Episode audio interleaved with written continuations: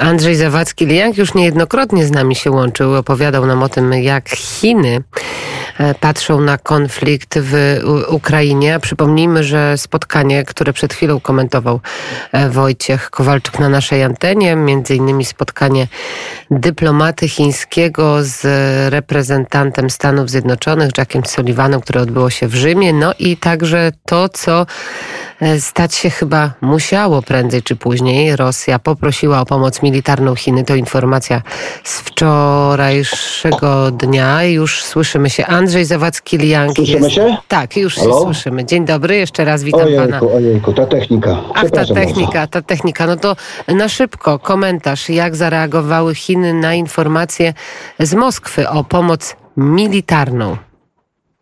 E, Przede wszystkim zaprzeczyły takiej informacji, że jakakolwiek, o, że, że Rosja zwracała się o jakąkolwiek taką pomoc. Że to jest po prostu dezinformacja rozpowszechniana przez Stany Zjednoczone celowo, żeby sprowokować e, Chiny.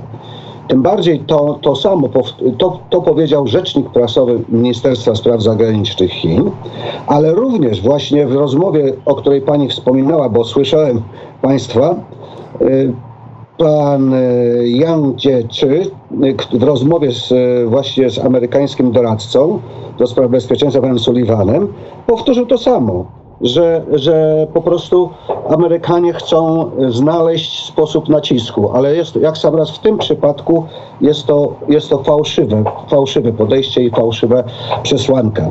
Więc nic takiego tutaj w grę nie wchodzi, jak pomoc militarna. Ale oczywiście nic nie, ani słowa nie wspomniał o pomocy gospodarczej. Ale to jest zupełnie, jakby to powiedzieć, na marginesie pozostawione. Bo y, Rosja nie tyle liczy na czołgi żołnierzy chińskich, przynajmniej na razie, ale na części, na dostawy, na to, żeby y, wspomóc, y, jak widać, nie najbardziej wydolną machinę przemysłu zbrojeniowego Rosji, żeby Chiny tutaj pomogły Moskwie. Myślę, że w, dużym stopniu, używając pana redaktora określenia ma, maszyna, machina wojenna Rosji i chińska jest y, w tym sensie inżynieryjnym bardzo kontabi- kontabilna ze sobą. Więc tutaj mm, na pewno tak, części, części i, tak dalej, ale myślę, że w dużym stopniu też y, liczą na, na tą właśnie kroplówkę gospodarczą, bo tu jest jednak to te, te sankcje gospodarcze są jednak bardzo zdecydowane, sankcje europejskie, Stanów Zjednoczonych są bardzo zdecydowane na, na Rosję. Więc tutaj wy, wyraźnie, a Chiny wyraźnie odcinają się od tego, że nie, czasami nie pomogą gospodarczo. Od gospodarki oni się nie odcinają. Będzie nadal współpraca i że nikt nie podważy tej, tej, tej przyjaźni rosyjsko-chińskiej. E, Powiedział Pan o tym wsparciu gospodarczym. To jak dzisiaj e, ono wygląda? Jakie deklaracje płyną z Pekinu odnośnie Moskwy? Jak to zabezpieczenie gospodarcze e, wygląda w czasie wojny w Ukrainie? Przede wszystkim zdecydowanie podkreślano i to zarówno mm, ze strony rządu, Ministerstwa Handlu, Ministerstwo Spraw Zagranicznych też podkreś- podkreśla, że wszystkie kontrakty, umowy i to, do czego się zobowiązali we wzajemnych relacjach gospodarczych, będzie dotrzymywane. Będzie dotrzymywane, czyli zarówno te kontrakty gazowe, y, odnośnie ropy naftowej, czy innych przedsięwzięć. A, właśnie, tuż przecież przed, y, przed rozpoczęciem olimpiady y, podpisana została w ramach całego pa- pakietu kontraktów umowa dotycząca właśnie prze- produktów rolniczych, zbóż, z importu z Rosji do Chin. Więc tu jakby to się wszystko ładnie układa i oni dru, drugim elementem w tej, w tym, w tym całym y, sytuacji jest to, że banki y, chińskie y, nie zaprzestają finansowania rosyjskich przedsiębiorstw, wręcz przeciwnie, otwierają konta, otwierają im y, dostęp do rynków. Natomiast oczywiście to wszystko ma jedną, jedną zasadniczą dla Rosji wadę, że jest to dostęp do e, chińskiej waluty, do chińskich rynków, do, do, do renminbi, do chińskiego juana. Także na ile im to pomoże, no trudno w tej chwili jest powiedzieć. E, proszę jeszcze powiedzieć, bo to informacja z, Mhm. z, z, z wczoraj też dokładnie, albo dzisiaj z wieczora, z ustaleń Stanów Zjednoczonych jednak wynika, że Chińczycy są gotowi udzielić Ro- Rosji pomocy militarnej.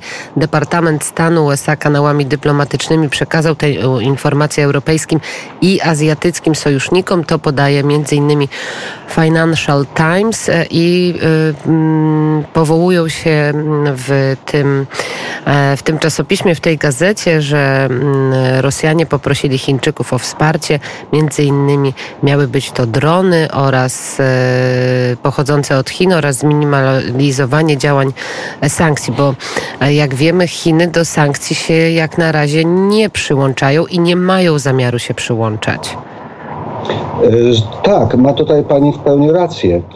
Chiny za każdym razem to podkreślają, tak samo właśnie na tym wczorajszym spotkaniu, że do, do żadnych sankcji się nie przyłączą i nie będą popierały mm, sankcji, metody sankcji jako, jako sposobu rozwiązania konfliktu. To jest, to jest e, na, na pewno.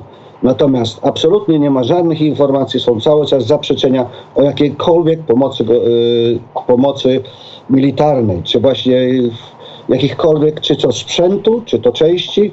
Ten temat jest tematem zamkniętym, można by powiedzieć, czy tabu.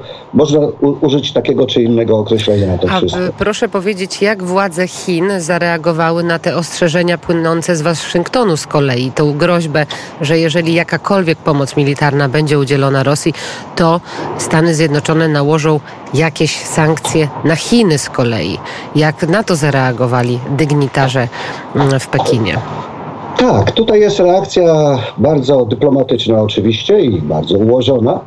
Niemniej jednak jednoznacznie e, stwierdzono i zarówno właśnie mm, pan Yang w rozmowie z e, Sullivanem podkreślili, podkreślił, że Chiny nie obawiają się sankcji i że Amerykanie nie powinni, nie powinni używać metod zastraszania Chin, nacisku Chin, tylko powinni szukać metod współpracy i wzajemnego y, rozwiązywania sporów czy problemów.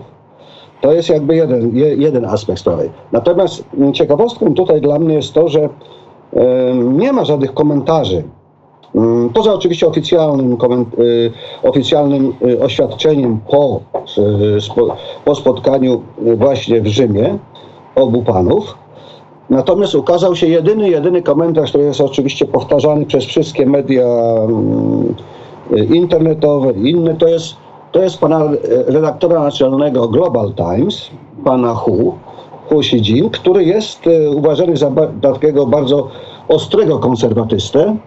Em, Ta, ta gazeta jest angielskim odpowiednikiem Renmin Rybao, gazet, y, oficjalnej gazety y, Komunistycznej Partii Chin. I on w swoim komentarzu, on w swoim komentarzu właśnie bardzo zdecydowanie i mocno podkreślał, że podkreślił, że em, Amerykanie są trochę nerwowi i starają się naciskać na Chiny, a Chiny nie zmienią swojej polityki y, balansowania swojej polityki nie będą ani konfrontować się ze Stanami Zjednoczonymi, ani szukać jakichś konfliktów. Będą szukać, na ile jest to możliwe, porozumienia. A to Stany Zjednoczone szukają konfliktów, y, napięć i podsycają napięcia na Ukrainie, y, podsycają też napięcia w stosunkach z Chinami. Zresztą właśnie y, prowadzą dwuznaczną politykę wobec Tajwanu.